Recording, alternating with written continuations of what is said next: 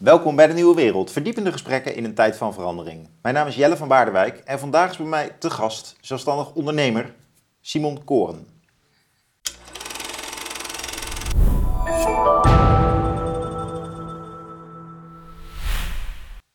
Simon, Ja. uit Groningen voor een speciaal gesprek. Ja, ik, ik vind het niet zo speciaal. Ik heb er zo langzamerhand gewoonte van gemaakt er heel vaak over te moeten spreken. Dus Ja. het is hier niet anders dan elders. Ik zal het een klein beetje introduceren. Ehm, we hebben hier bij de Nieuwe Wereld, zoals jullie weten, wel vaker eh, met elkaar van gedachten gewisseld over wat we nu moeten doen met het gas in Groningen.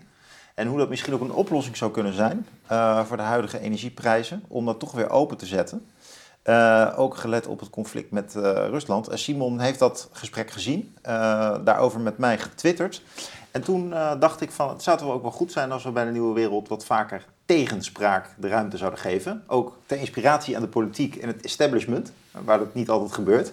Eh, om eh, weer bij te leren. Want jij zei eigenlijk op Twitter van, dit, wat jullie erover zeggen, dat klopt niet, dat deugt niet. Want de veiligheid in Groningen is niet gegarandeerd als wij weer opnieuw gaan boren. En toen dacht ik, na deze Twitter-fitty, deze Twitter-correspondentie met jou, laten we dat gewoon eens eh, bespreken met de camera erbij. Dan kan jij ons uitleggen hoe je dat ziet, daar kunnen wij van leren. Dus welkom. Oké, nou.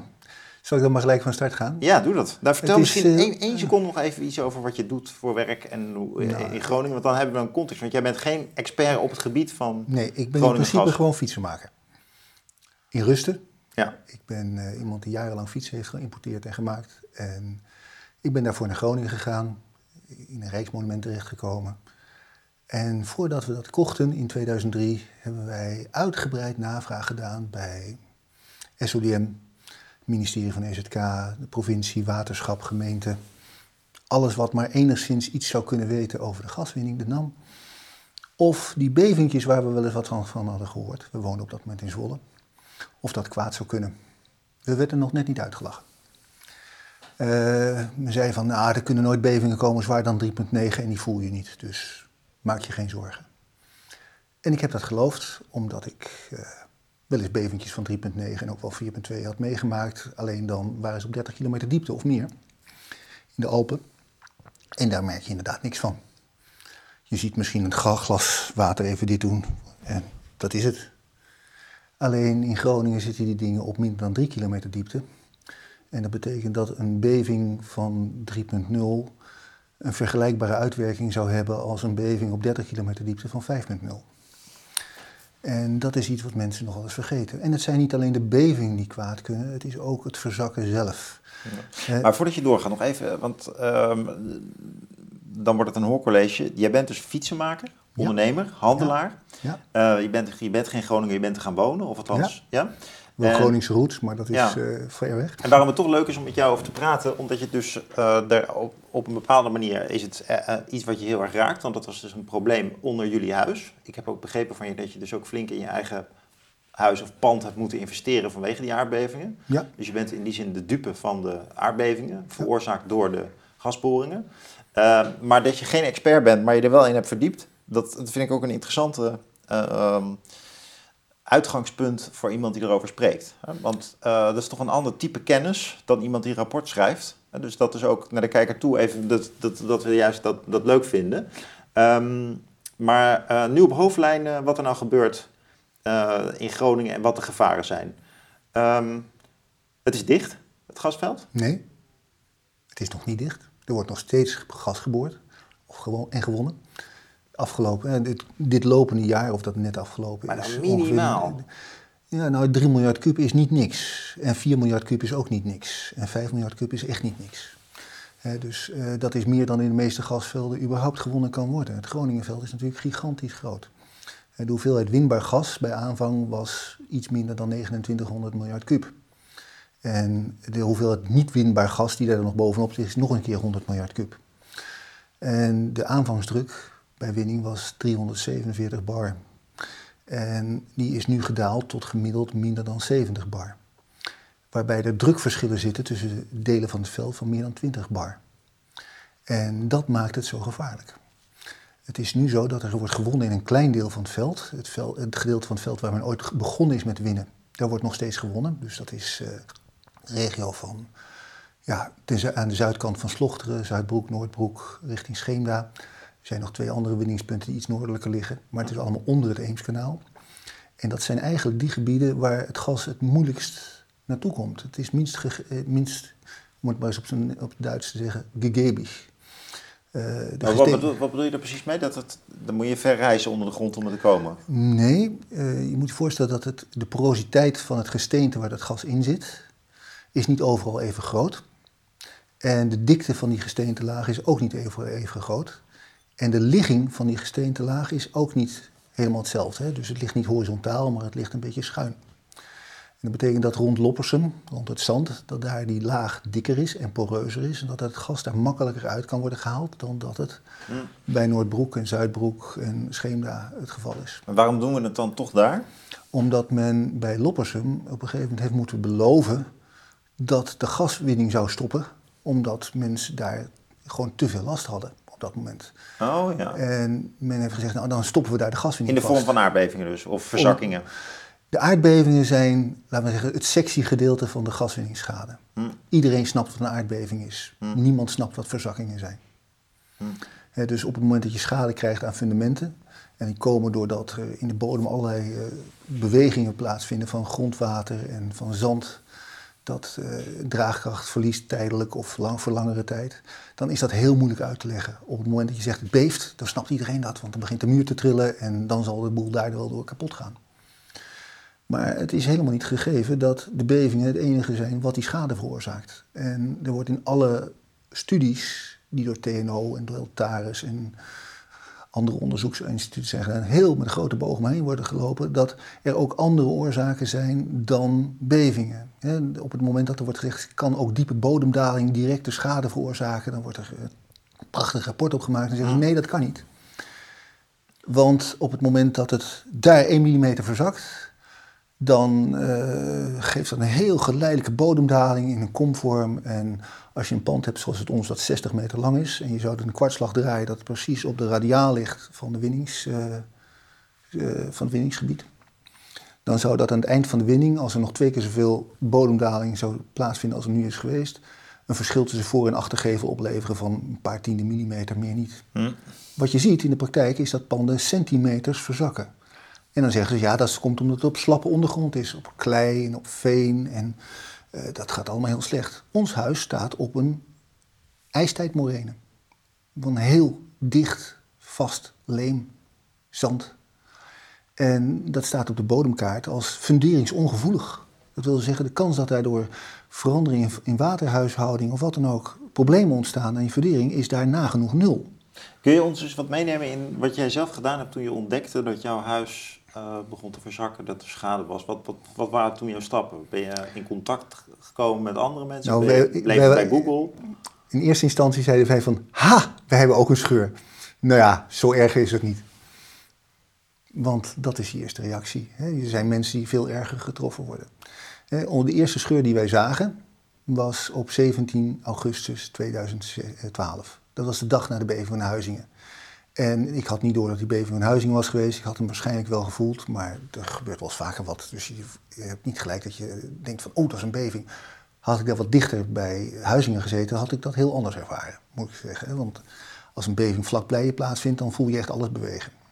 Dat hebben wij ook meegemaakt bij de beving in Helm en een paar bevingen bij Vroonbos. Dat je echt voelt dat er een golf onder je huis doorgaat en dat je het aan hoort rollen. En dat er inderdaad de beschrijving van er gaat een trein of een bus door je huis heen of wat dan ook.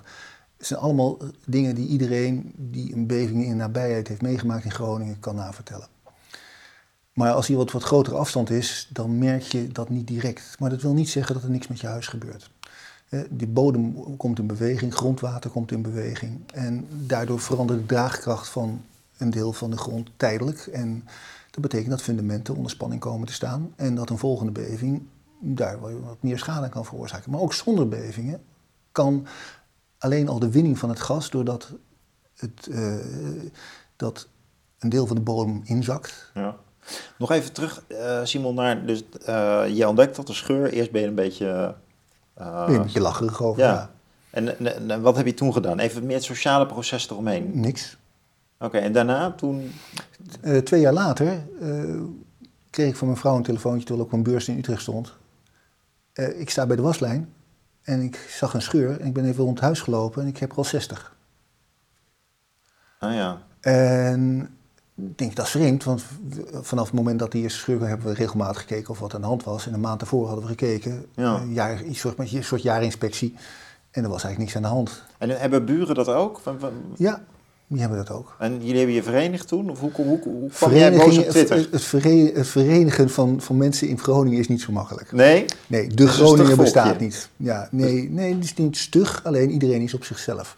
Er is een, eh, als je de Graafrepubliek gelezen hebt, eh, dan komt er een prachtige uitspraak in voor van God schiep Groningen. En, eh, en komt een boer tegen op zijn land en zegt, mooi God dat je dat gedaan hebt en mijn land af.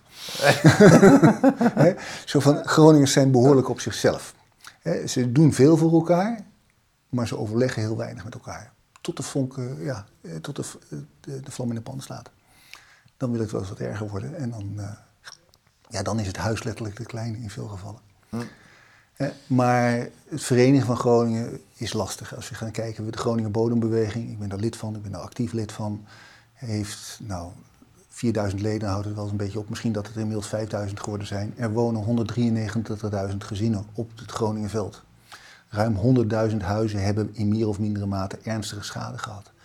En de 26.000 Maar heb je het, huizen heb waar je men het het gevoel dat daar niet ook brede erkenning voor is? Dat het niet eh, de, de NRC's en de Volkskrant er eh, mee vol hebben gestaan? Hoeveel abonnees heeft de NRC?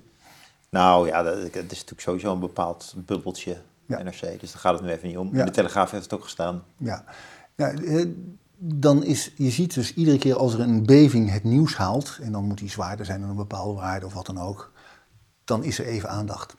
En die erkenning is er.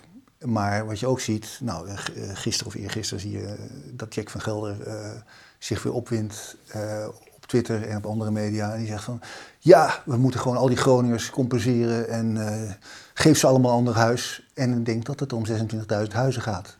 Maar dan gaat het niet om 26.000 huizen, want die 26.000 huizen, waarvan ons er eentje, eentje van is, dat zijn huizen die ook gevaar lopen op het moment dat de winning stopt. Dat zijn de huizen die versterkt moeten worden op dit moment. Maar, maar ze, storten, ze storten niet in, toch? En we hebben het toch ook Ehm, niet over nieuwe huizen, we hebben het meer over Nou, een, herstel. gro- een groot deel van de. Nee. Ik geef expres tegengas, Ja, ja jij snap even ik. kan Een groot, deel van de huizen, vertellen ja, wat- nee, een groot deel van de huizen waar het constant over gaat, dat zijn 26.000, 27.000 huizen die na een zogenaamde HRA-exercitie, High Risk Assessment van de NAM, en later eh, in een iets veranderde vorm de SDRA-exercitie van, eh, van het ministerie en NCG, als risicovol zijn beschouwd bij het voorziene gaswinningsniveau. En het voorziene gaswinningsniveau was dat het dit jaar, uiterlijk volgend jaar, zou stoppen. En dan zijn die huizen, zijn, die lopen gevaar om in te storten, ook als er geen gas meer gewonnen wordt. En niet omdat ze op dit moment op instorten Zeg je staan. nou dat het meer dan 20.000 zijn? Ja, dat zijn, waren 27.000 huizen die als, eh, als risicovol werden ervaren. Die worden vervolgens stuk voor stuk geïnspecteerd. Eh, daar zijn ze in 2019 mee begonnen. Dus niet in 2012 of in 1986, maar hè, mooi op tijd. In 2019 zijn ze begonnen met het inspecteren van die huizen Ja. die men uiteindelijk dan als risicovol had beoordeeld. Better late than sorry, toch? Ja, en dat gaat dan vanuit het meest risicovolle gebied naar, eh, naar het minder risicovolle gebied, althans naar verwachting meest risicovolle gebied. En eh, dan wordt er naar de, de stand van de winning op dat moment bepaald of ze nog steeds risicovol zijn. En of ze misschien wel risicovol zijn. Die huizen zijn dus nooit eerder in beeld geweest. Die zijn op gewoon puur op, plaats, op grond van ligging en een paar gegevens die bij de gemeente bekend zijn.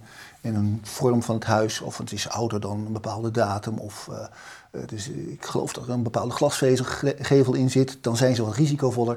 Zijn ze beoordeeld als risicovol. Vervolgens moeten die huizen worden geïnspecteerd of ze inderdaad risicovol zijn. En of ze dat nog steeds zijn op het moment dat de gaswinning stopt. En dat er dan binnen Ja. 475 jaar een beving zou plaatsvinden. Ja. Als gevolg van de gaswinning. Dat er zou plaatsvinden. Die beving kan morgen zijn. Die kan over 200 jaar zijn. Ja, nee, maar goed, je kunt Ja. niet, ik bedoel, dat soort risico's bestaan. Ja. Kijk, een van de argumenten van de Hollanders is natuurlijk ook, wij hebben Schiphol, we hebben Tata Steel, eh, we hebben veel meer bewoners. Eh, is het nou niet zo dat ieder deel van Nederland zo zijn, eh, Risico moet aanvaarden. ja, Ja, nou als je dat zou moeten doen en we zouden dezelfde risico's aanleggen voor uh, de gaswinning in Groningen. nou, de luchtverontreiniging hier is niet best hoor. Nee, dat weet ik. Maar we zouden dezelfde risicoanalyse voor ja, ja. aanleggen. We moeten gewoon strenger worden, ook, voor die, ook voor die risico's van Geldt in Groningen geldt het risico van overstroming. Heb jij nou het idee dat uh, de, de, de, de Nederlandse overheid nu wakker is geworden ten aanzien van Groningen en nu wel sneller handelt? Want je zei in 2019 zijn ze begonnen met meten. Uh, om nog eens te checken of... Nou, vijf jaar kibbelen erover. Hè? Dus uh, ja. het is niet, hè, ze zijn er wel eerder over ja. gedachten gaan wisselen. Maar, hè, de, eerste maar ben je nou eindelijk een beetje tevreden over? Uh, je bent actief in die groepen die bezig zijn met, die, nou, zal ik je, met, met de bodem. Je... Dus hoe, hoe, cynisch is het? Denk, nou, denk ik, zal heel, ik zal even heel cynisch zijn over ons eigen pand. We hebben een rijksmonument. En de bouwgeschiedenis gaat terug tot de 15e eeuw. In de huidige vorm staat het er sinds uh, de derde helft, uh, derde kwart van de uh, 19e eeuw. En ons pand was als risicovol beoordeeld. En toen we niet, en toen we wel, en toen uiteindelijk toch. En het is begin dit jaar geïnspecteerd. Toen waren wij zelf al begonnen met een bepaalde vorm van versterking, omdat het gewoon het pand langzaam op instorten begon te staan. Terwijl het in 2003 als degelijk werd beschouwd. En dat heb je zelf betaald? Dat hebben we zelf betaald. Vind je dat onredelijk? Uh, ja, eigenlijk wel. Want het zijn kosten die we niet hadden hoeven maken. Maar uh, er zitten altijd haken en ogen aan die zeggen van nou misschien een deel wel, misschien een deel niet. Uh, maar jij vindt dat je te veel zelf betaald hebt? laat ik zo zeggen, wij betalen ongeveer 7 ton uit eigen zak. Ja. En als wij eerder hadden mogen beginnen. Je bent duidelijk een rijk man, dus dat is misschien verdedigbaar. Ik heb, ik, heb, ik heb redelijk wat kunnen verdienen in mijn leven. En, maar er gaat wel erg veel van dat verdiende geld in dat pand zitten. Ja. En dat valt niet op een makkelijke manier te financieren. We krijgen ook een bepaalde subsidie daarvoor. Uh, En eh, die subsidie dekt niet datgene wat het zou moeten dekken. Dus, er moet, hè, dus het, wat er aan eigen geld bij moet, dat is het drievoudige van wat we aan tegemoetkomen krijgen. Uh, dat betekent dat voor de meeste mensen iets in vergelijkbare staat niet op te brengen is als ze een gewone baan hebben of wat dan ook. Als je nog een hypotheek op je pand hebt zitten, vergeet het maar dus die mensen zitten in een wat dat betreft nog grotere val dan wij. Uh, wij dachten dat we kunnen het met onze eigen middelen wel redden. Uh, we hebben geen kinderen. We denken, nou ja, oké, dan kan je dat geld er ook wel op die manier voor gebruiken. Er hoeft geen erfenis over te blijven, om het maar zo te zeggen. We komen wat dat betreft een beetje bedrogen. Ja. Dat vind ik op zich niet erg. Maar voor mensen in, in de middenklasse of zelfs die niet veel te besteden hebben, is, is het, is niet, heel is niet zelf, nee, is niet op te Als jij gewoon een modaal inkomen hebt of een twee keer modaal inkomen en jij moet. 2, 3 ton extra in je huis investeren om het overeind te houden, ja. Dan is het heel veel. De versterking van het gemiddelde huis kost een half miljoen. Het gemiddelde huis. Laten we nog even op hoofdpunten reconstrueren wat nou het probleem is van die uh, gasboringen. Even uh, ook om het dilemma scherp te kunnen krijgen. Dus uh, er is een onderschatting, als ik het goed begrijp, van de risicogevolgen van de boringen die al geweest zijn en die nog steeds doorgaan. Dus het is eigenlijk erger dan men durft toe te geven. In bepaalde spreadsheets is dat wel doorgewerkt, maar in andere weer niet. Dus, de, dus, de, dus het risico wordt eigenlijk onderschat. Van nou, het, eh, wat men niet beseft is dat het risico steeds groter wordt. Kijk, als je nu, uh, nu, gaat kijken hoeveel gas er gewonnen is, uh, dan kan je zeggen, nou, ruim twee derde van hoeveel het gas is gewonnen. En dat heeft ongeveer een derde veroorzaakt van de, van de mogelijke bodemdaling die het gevolg zou zijn als je al het gas zou winnen. Dus twee derde van de, van de mogelijke winning veroorzaakt maximaal een derde van de bodemdaling. Als je nu dat laatste derde eruit haalt, dan zakt de bodem nog eens een keer twee keer meer dan die tot nu toe al is verzakt. Wat er, je, of, of beter, beter gezegd, je verliest twee keer zoveel aan bodemvolume als wat je nu al verloren bent. Dat betekent dus dat elke kubieke meter gas die je er nu extra uithaalt, een groter effect heeft, zowel qua bodemdaling, qua compactie, maar ook seismisch eh, een groter risico inhoudt. Nou is het seismisch risico is sterk bepaald door de, de snelheid waarmee je het gas uit de grond haalt en waar je het uit de grond ik haalt. Ik zet je even stop, want, want ik wil echt op kernpunten, want de, meeste mensen zullen het al lang kwijt zijn met dit soort rekensommen. Uh, dus het risico ik wordt... toch niet gerekend, kan je nagaan.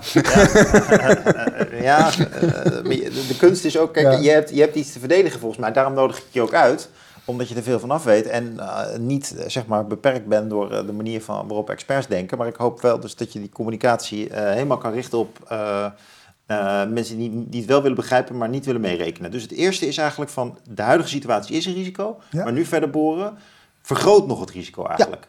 Ja. Je, je zorgt ervoor Ja. dat, er, Het tweede is... dat, dat, dat je versnelt Ja. wat al in gang is gezet. Hè? Dus ja, nee, duidelijk. Ja. Tweede punt is, eh, wanneer er schade is aan panden, dan eh, eh, reageert de overheid daar eigenlijk traag op. Dat, is- valt op, dat valt op zich mee. Dus de die meeste mensen met kleine, nee, met kleine schades Ja, is het op het ogenblik zo dat een instantie als IMG niet al te moeilijk doet. Als ze, als ze denken van nou, het zijn een paar scheurtjes in het behang bij wijze van spreken, dan heb je morgen 5000 euro op je rekening staan. Maar als jij een schade hebt die wat groter is, kijk dan ben je een jaar, twee jaar, drie jaar verder. En dan mag je tot aan de Raad van State door om je gelijk te krijgen en je krijgt het niet. Eh, dan is er Dus verder het probleem. miskenning van, Ja, van grote schades. Ja, en heel veel en het mensen weten niet, daarvan. en heel veel mensen hebben ook niet door hoe erg hun pand beschadigd is. Want die zien alleen maar dat scheurtje in het behang. Die zien niet wat er verder gebeurt met hun pand. Ja. Eh, het is ook Dus zo dat, dat het als er een het schade. niet goed gemonitord, Ja. met andere woorden. Ja, als er een schadeinspectie komt, dan wordt er alleen bovengronds gekeken naar wat er aan schade is. Ja, ondergronds is ook een een beetje moeilijk. Dat valt mee. Je, je hebt, je- het kan zelfs heel mooi. Je hebt, eh, Dus er prachtige- wordt niet professioneel gemeten eigenlijk. Nee, absoluut niet. Je, hebt, eh, je, je kan eh, bodemscans doen. En dat gaat in zandbodem heel makkelijk. In kleibodem iets moeilijker. Maar tot 15 meter is dat prima in beeld te brengen. En je kan gewoon een pand waarvan je zegt, nou, er is toch wel wat schade. Ik zie een scheur die zo loopt, eh, taps naar beneden of het loopt taps naar boven toe. Er is waarschijnlijk met het fundament iets aan de hand. Schade aan fundamenten is niet mogelijk door gaswinning, is het standpunt tot nu toe geweest. Nou, maar dan wordt er toch wel een beetje, het is toch wel lastig om dat te doen. We moeten misschien toch maar een beetje mee- meedenken. Dus mensen kunnen nou toch ook wel wat schade vergoed krijgen aan fundamenten als het niet al te erg is. Uit coulance. Want overal in Nederland vindt verzakkingsschade plaats. Alleen een andere oorzaak. Op het moment dat je in een veengebied zit, in eh Zuidpaspolder. En daar vindt door veenklink eh, veenoxidatie plaats. En daardoor verzakken de huizen in Gouda of omgeving. Ja, dan komt dat omdat eerst het grondwaterpeil is verlaagd. Vervolgens de bodem zakt. Ja. En dan het grondwaterpeil weer verlaagd wordt, omdat de boel weer nat wordt en het grondwaterpeil eh, en de bodem weer zakt. En dan, dan lijkt het voor het oog, ja kijk, die huizen zakken met de grond mee. Dus dat is, al- dat is hetzelfde als in Groningen gebeurt. Maar in Groningen gebeurt iets anders. Nou ja. In Groningen wordt eerst op grote diepte, drie kilometer diepte, wordt er bodemvolume weggenomen. Waardoor de bodem aan het maaiveld daalt. Waardoor het water ten opzichte van het maaiveld omhoog komt. Dus niet andersom. Niet eerst wordt het water verlaagd. En daarna zakt het maaiveld na. Nee, eerst komt, zakt het maaiveld. En het water komt dan relatief omhoog. En dat moet dan ook mee. Ja. Je hebt dus in Groningen, als er al op palen gebouwd is, weinig last van paalrot. Simon, dank voor deze heldere uitleg. Ik had het zelf nog niet zo eh, goed begrepen, terwijl ik het toch wel gevolgd had in het nieuws. Dus misschien moeten er ook eens wat journalisten op gaan zitten eh, om het uit te blijven leggen wat nu het verschil is met al andere vormen van bodemdaling. Zeker dat grondwater is ook een dossier aan het worden in Nederland. Ja. Nu tot slot naar het grote dilemma wat mij betreft. Waarom we geen gas moeten gaan winnen. Ja, want kijk, als je een dilemma is, om nog even toe te lichten, natuurlijk wel een situatie waarbij wat je ook kiest, iets heeft een prijskaartje. Ja. En ook een moreel of esthetisch prijskaartje. Want prijskaartje even heel makkelijk op tafel als jij, leggen? zo, als jij zo'n 15e eeuws pand, bezit- één seconde nog, Ja. zo'n 15e eeuws pand in je bezit hebt, dat is natuurlijk niet alleen maar een kwestie van geld en eh, woonruimte, maar ook eh, esthetiek. Hè? Dus traditie, dat wil je beschermen. Aan de andere kant eh, staat een, een, een land met ehm, hoge energierekeningen. Eh, dat nu moet uitwijken naar andere landen, waar eh, dingen gebeuren die het daglicht niet eh, kunnen verdragen. Dus er zijn allemaal sociale redenen om dat niet te willen zien. Omdat we niet naar Rusland kunnen. Het blijkt ook een half corrupt land te zijn, dus daar wil je eigenlijk niet naar terug. Nou, nou ja, ik, ik, ik, ik zeg het even Ja. eh, op een manier die nog wat enigszins neutraal blijft. We hebben natuurlijk tot voor kort ook zaken meegedaan. En eh, zowel eh, Rusland als Oekraïne stonden altijd al bovenaan in de, in de, corruptiecijfers. maar waar het erom gaat is nu even dat eh, je met dat gas natuurlijk wel dat soort conflicten ook deels kunt ontzenuwen. Hè? Dus eh, het Groningen gas kan gebruikt worden niet alleen voor Nederland, maar bijvoorbeeld ook voor Duitsland en Zwitserland. Of misschien nog wel voor meer landen. Het is een, het is een grote voorraad. Nou, niet voor Zwitserland, maar vooruit. Ik snap wat je bedoelt. Ja, Ja. nou ja, ik zat meer te denken van hoeveel landen zouden daarmee kunnen bedienen. Misschien nog een paar kleine landjes, maar eh, va- vast niet heel Europa. Anyway, lang verhaal kort. Eh, dus het zou veel opleveren. Namelijk eh, meer geopolitieke rust, meer economische rust en minder afhankelijkheid van de, eh, van, van de wereld. Nou, dat, zijn, dat zijn de pro-argumenten. Ja, nou, Dan moet je even gaan kijken, wat is dat gas dan waard? Nou, uh, als je meneer Otter in de Eerste Kamer hoort, die roept nog dagelijks dat het meer dan een biljoen euro waard is. En blijkbaar is dat dan ook een biljoen euro winst. Nou, dat is niet zo. Je, het gas moet uit de grond te halen kost geld en dat kost steeds meer geld naarmate de druk lager wordt. Dus dat is een probleem. Uh, bij de huidige gasprijzen zit je rond de 400 miljard, 500 miljard euro aan opbrengst. Daar gaat waarschijnlijk ook nog eens keer 100 miljard af aan kosten om het eruit te halen uiteindelijk. En je kan het er niet in één keer uithalen. Hè. Er zit nog, nou, laten we zeggen, een, een, kleine 500 miljard kub, 600 miljard kub, 400 miljard kub. Hè. De, de meningen verschillen erover. Ik heb daar vrij precieze berekeningen over gemaakt. Maar laten we vanuit gaan van 450 miljard kub. Uh, in de grond, als je dat eruit haalt, dan krijg je het niet voor elkaar met de huidige technieken om er meer dan 20, maximaal 35 miljard kub per jaar uit te halen voor de eerste paar jaar. En daarna wordt het minder, omdat de druk minder wordt. dus naarmate de druk zakt, wordt het lastiger om er een bepaald kubage uit te halen. Dan kan je dat wel verhogen door meer winningsputten te slaan. Dat heeft ook weer eh, kostenconsequenties, dus dat is ook lastig. En per put komt er dan minder omhoog, maar uiteindelijk haal je dan toch weer ongeveer diezelfde hoeveelheid eruit. Dat is één punt. Uh, dat betekent dus dat je haalt niet 500 miljard euro uit de grond of 400 miljard euro uit de grond. Je haalt per jaar misschien 20, 30 miljard euro uit de grond. Nou oké, als dat een enorme verlichting geeft voor de gasprijs en voor de gasvoorziening in Europa, dan zou dat er nog een argument zijn. Ja. Alleen, je gaat, de gasprijs, je gaat uit van die huidige hoge gasprijs bij de opbrengst. Ja. Gaat de gasprijs terug naar het niveau van, van twee jaar terug, dan komt er bij diezelfde hoeveelheid winning geen 20 miljard euro uit de grond, maar twee. Ja, nee, is een belangrijk, ja, dus, dus. Dus, de gasprijzen zijn niet zo hoog als dat we van de zomer dachten. Dus dat het moment, ja, nee, maar zelfs met de huidige gasprijs, die nog steeds heel hoog is, als je er nu 20 miljard euro uit zou halen aan opbrengst, en dat zou pure winst zijn, ja. dan drukt dat de gasprijs dus niet. Heb je nog meer argumenten? Ja? Oké. Okay. want nee, ja, kijk ook dat, dat, dat, dat is het ene. Nou, vervolgens moet je gaan kijken, wat moet je doen om dat de gas eruit te halen, wil het veilig zijn? Nou, dat betekent dat je of alle Groningers die op dat gasveld wonen een ander huis moet geven buiten dat gasveld. Want dat krijg je niet volgend jaar voor elkaar om er allemaal veilige huizen te bouwen, zo snel. Er wonen 193.000 gezinnen. Maar je kan niet een soort taxatie maken van dit zijn de 200.000 gevaar, gevaarplekken? Nee, dat kan, dat kan dan zeker niet meer, want Kijk, als de gaswinning stopt, zijn het 26.000 huizen die mogelijk gevaar lopen. Als de gaswinning doorgaat, komen de volgende 26.000 aan de beurt. Ah ja. Gaat de gaswinning verder door, dan komen er nog weer. Uiteindelijk zijn dan bijna alle gebouwen in Groningen hm. zijn dan lopen gevaar. Dan heb je het niet alleen over de woningen. Wat is jouw taxatie? Nou, er zijn wel mensen die daar ook wel, eh, met bouwkundigen die daar op die manier aan gerekend hebben. De aanvankelijke schatting in Groningen was dat er minimaal 150.000 huizen naast bedrijfspanden enzovoort, versterkt zouden moeten worden. En dat is de reden geweest dat men de gaswinning heeft teruggeschroefd. Oké, derde punt nu. Nou, de kosten van dat, van dat uh, geheel zijn, als je dat per woning gaat doen, nou, een half miljoen per woning. En dan komen nog bijkomende kosten bij. Dat is al een gigantisch bedrag. Als je dat 200.000 doet, dan zit je aan 100 miljard. Bijkomende kosten nog een keer 100 miljard. Ja. Dus wacht even, je hebt nu volgens mij drie punten gemaakt. Je zegt namelijk van de prijs van gas is wel hoog, maar niet zo hoog dat je er enorm aan kan verdienen.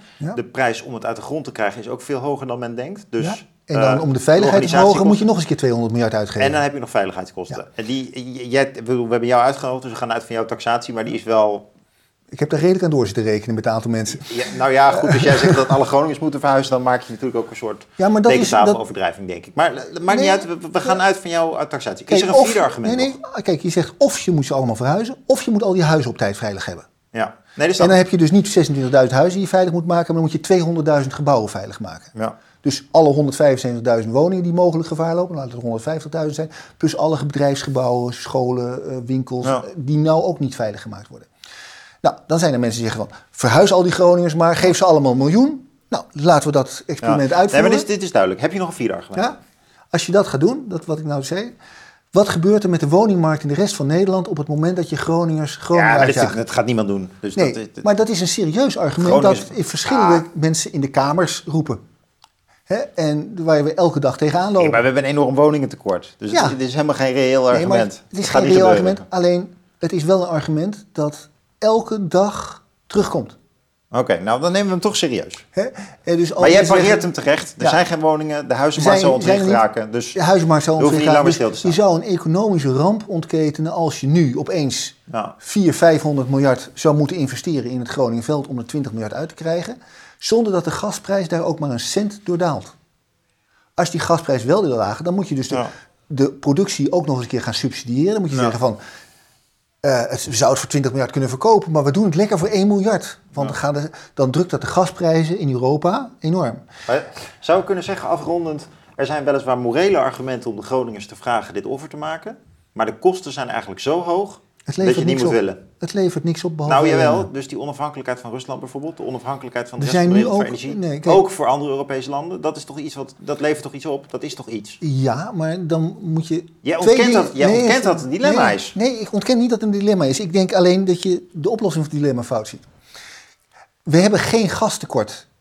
We hebben wel een prijsprobleem. Op dit moment kunnen gasleveranciers kunnen vragen wat ze willen, of ze nou in Qatar zitten of in de Verenigde Staten, want we willen zo graag snel gas hebben in Europa.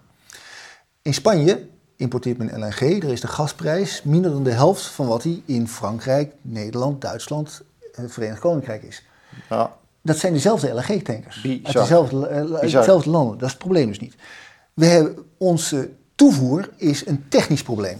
Wij halen gas via pijpleidingen uit Rusland en via pijpleidingen uit eh, de Noordzee en via pijpleidingen uit Noorwegen en uit het Verenigd Koninkrijk. Nou niet meer, want die hebben het nou allemaal zelf nodig. En dat gas is niet dezelfde kwaliteit als het Gronings gas. Dus wil je het hier en in Duitsland en een paar huizen in België en Frankrijk nog, eh, die nu Gronings gas of G-gas gebruiken, dat is pseudo-Gronings gas, dan moet je dat gas gaan omkatten. Hmm. Eh, wat, welk gas er ook komt, je moet dus een hele hoop gas omkatten, wil je dat gas dezelfde kwaliteit geven, zodat het nu gebruikt kan worden in al die huizen waar nu Gronings gas of iets dergelijks wordt gebruikt. Eh, dat heeft dus niks te maken met het feit dat het gas uit, eh, uit Rusland komt of uit de Verenigde Staten komt. Dat is gewoon een technisch probleem. Hier, wij hebben een kleine bubbel van gas rond Nederland zitten, waarbij wij gas produceren in Groningen en gas uit andere landen importeren, dat wij verlagen in kwaliteit om dezelfde kwaliteit te krijgen als Gronings gas. En dat kan je alleen maar gebruiken in die beperkte setting waar dat gas geaccepteerd wordt. Dus als je meer Gronings gas gaat eh, eh, produceren, dan kan je alleen datgene wat je nu importeert en omkat naar die lagere kwaliteit, kan je daarmee vervangen. Hm. Ook dat nog. Ja, dus als je meer ja. gas gaat importeren dan dat, dan kan niemand in, in heel Europa dat gebruiken zonder dat ze eerst alles gaan ombouwen. Ja. Simon, dank dat je hier bij de Nieuwe Wereld kwam vertellen. Tegenspraak kwam bieden. Eh, dit is een beetje wat we soms willen gaan doen bij de Nieuwe Wereld. Eh, mensen uitnodigen die zeggen van nou, wat hier besproken is, daar heb ik een perspectief tegenover te zetten. Om iedereen aan het denken te zetten. Nou, dat heb je wel gedaan. Weliswaar fietsenmaker in rusten, maar niettemin eh behoorlijk onderlegd in de problematiek rondom de gasboringen en verzakkingen van huizen in Groningen. Ik heb wel in ieder geval meegenomen dat het vooral sexy is om te denken dat dat door aardbevingen komt. Er zijn allerlei andere varianten van schade mogelijk. Ja, Eh, dat veel Groningers overigens niet. Die denken echt dat het alleen een beving ligt. Ja, Want dat is wat wat betreft is er ook nog wat bewustwording eh, nodig onder de Groningers zelf. Ik denk niet dat we het dilemma kunnen oplossen. Dat had ik van- tevoren ook niet gedacht, trouwens. Eh, maar hopelijk zijn jullie er wel door aan het denken gezet. Simon, jij nog laatste woorden? Nou, ik hoop van ganser harte dat we uit deze energiecrisis komen die we hebben. En dat moet ook kunnen. Maar je moet niet denken dat het simpel is op te lossen door eventjes gas uit Groningen te winnen. Dat is een te korte klap. Het klinkt heel makkelijk, want er zit zoveel gas. Alleen ons probleem is het feit dat we te veel gas gebruiken. En dat we te afhankelijk zijn van één distributiekanaal. Hm. Terwijl er op zich voldoende gas beschikbaar is wereldwijd. Dat is het probleem niet. Simon, dank. Eh, beste kijkers, word lid van ons kanaal. Eh, laat onder ook weten wat je vond van dit gesprek, hoe jij naar deze problematiek kijkt. Dat interesseert ons. Ik zal ook Simon vragen daarop weer te reageren, zodat de discussie wordt doorgezet. Dank voor het kijken.